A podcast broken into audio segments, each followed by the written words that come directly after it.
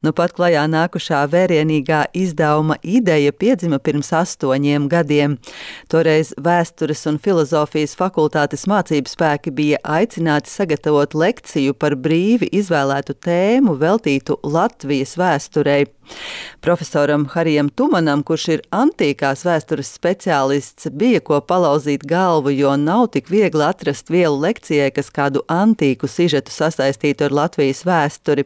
Bet tad praksē apstiprinājās teiciens, ka divas galvas gudrākas par vienu, stāsta Harijs Tumans. Kādu vakaru mēs ar sievu sēdējām pie galda, ēdām vakariņas un apspriedām šo problēmu. Un tad kaut kādā brīdī sieva iesaucās, nu, paskaties, taču augšu uz augšu. Paceļ acis Rīgā.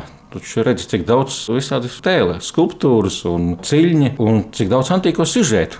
Un tā bija ģeniāla ideja. Ja? Nu, redziet, tas ir par to, cik labi, ka ir divas galvas. Ja? Faktiski tā bija sievas ideja. Ja? Jau nākamajā dienā profesors devās pastaigā ar fotoaparātu pa Rīgas centra ielām, sāka rūpīgi pētīt fasādes, un Rīga pēkšņi viņam atklājās it kā jaunā dimensijā, jo ikdienas skrējienā viņš nebija pamanījis, ka šī simbolu valoda uz namiem ir tik bagātīga un ka antīko tēlu ir tik ļoti daudz.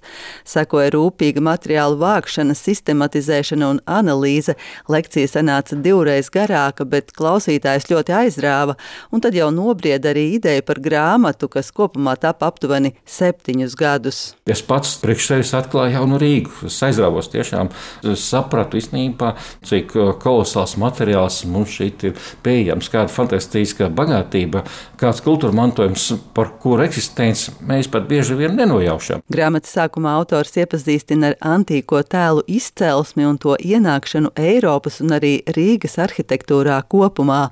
Ja Itālijā un citvietā Eiropā šī tradīcija sākās jau 15. un 16. gadsimtā, tad Rīgā plašā mērogā antīkie tēli sāka parādīties ar 19. gadsimtu. Īpaši daudz skaistu namu rotātu ar antīkiem ornamentiem, ciļņiem un skulptūrām tapa 19. un 20. gadsimta mijā. Namus būvēja bagātie rīdzinieki, bankas, kredīti iestādes, arī skolas, un uz to fasādēm iemūžinātie antīkie tēli aptver ļoti plašu tematisko spektru. No dievu tēliem vispopulārākie ir Hermēs, jeb Merkurs, Fortūna un Flora. Bagāti pilsoņi, un, protams, katra banka tiecās prezentēt sevi ļoti respektābli, ja, ar skaistām ēkām un ar dekoriem. Un, nu, kāda tad var būt galvenā tēma? Nu, labklājība, protams, nu, kaut kāda nauda.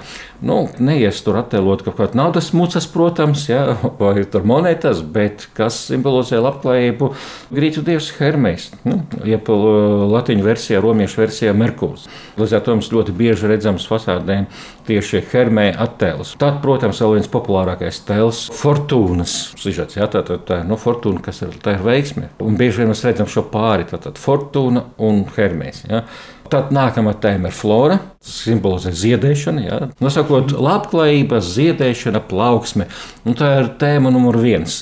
Protams, tie turīgie kungi gribēja tādā veidā izpausties un parādīt savus panākumus. Tā skaitā arī Bergs, jā, mūsu latviešu uzņēmējs, kurš izsitās un barona ielas stūra, jā, tad viss resto viņa greiznu grantījos māju, ko uzcēla pēkšanas. Autors grāmatā arī detalizēti analizē piemērus uz konkrētu namu fasādēm. Par vienu no pašiem skaistākajiem Hermeja un Fortūnas pāriem viņš nodēvējis skulptūras, kas rotā tā sauktā šēfera nama fasādi Doma laukumā viens. Tāpat īpašas ievērības cienīga ir arī Augusta Folca darinātā skulptūru grupa uz kādreizējās Rīgas Komercbankas ēkas fasādes Doma laukumā astoņi, kas šobrīd ir Latvijas rādio ēka. Viskrāšņākās karietīdes savukārt autora vērtējumā atrodas pie galvenās ieejas ēkā Raņa Bulvārī 23, bet mākslinieciski visaugstvērtīgākie Atlanti rotā Nacionālā teātra namu Kronvalda Bulvārī 2. Taču grāmatā aptverto ēku skaits ir ļoti liels, tāpat kā antīko tēlu daudzveidība, to vidū arī amoris, sfinksas, grifi, gorgonas, sirēnas un daudzi citi. Atšifrēt šo tēlu valodu un dalīties savos atklājumos ar citiem bijis Harija Tumana galvenais mērķis. Svarīgi tiešām šo tēlu valodu saprast, lai mēs neliģinātos tiem barbariem, kuri iekaroja Romu, skraida pa ielām, un tad viņi redz sev apkārt skulptūras, mozaikas liekas gleznas, un tas viņam neko nenozīmē. Tā mākslas valoda viņam ir sveša. Tā pamazām Roma arī pazuda. Ja? Bieži vien man liekas, ka mēs šodien jau sākam līdzināties tādiem barbariem, kur vienkārši skrien garām mākslai un šī māksla paliek mums nesaprotamā. Mēs viņu nespējam uztvert. Tieši tādēļ varbūt ir veids apstāties, paskatīties. Tie ir mūsu priekšteči, kas šeit dzīvojuši, kas atstājuši mūsu Rīgu, bet lai saglabātu, lai mums būtu interesi, mums vajag vispirms saprast, mums vajag šos tekstus lasīt. Tas arī faktiski ir galvenais mērķis manam darbam. Grāmatā arī uzzināsim kādu autora atklājumu saistībā ar tēliem, kas redzami uz Nacionālās operas nama fasādes, kā arī viņa versiju par to, kāpēc Augusta Falka Šolca darināto sieviešu skulptūru tēli ir tik ļoti skaisti. Baiba Kušķa, Latvijas radio.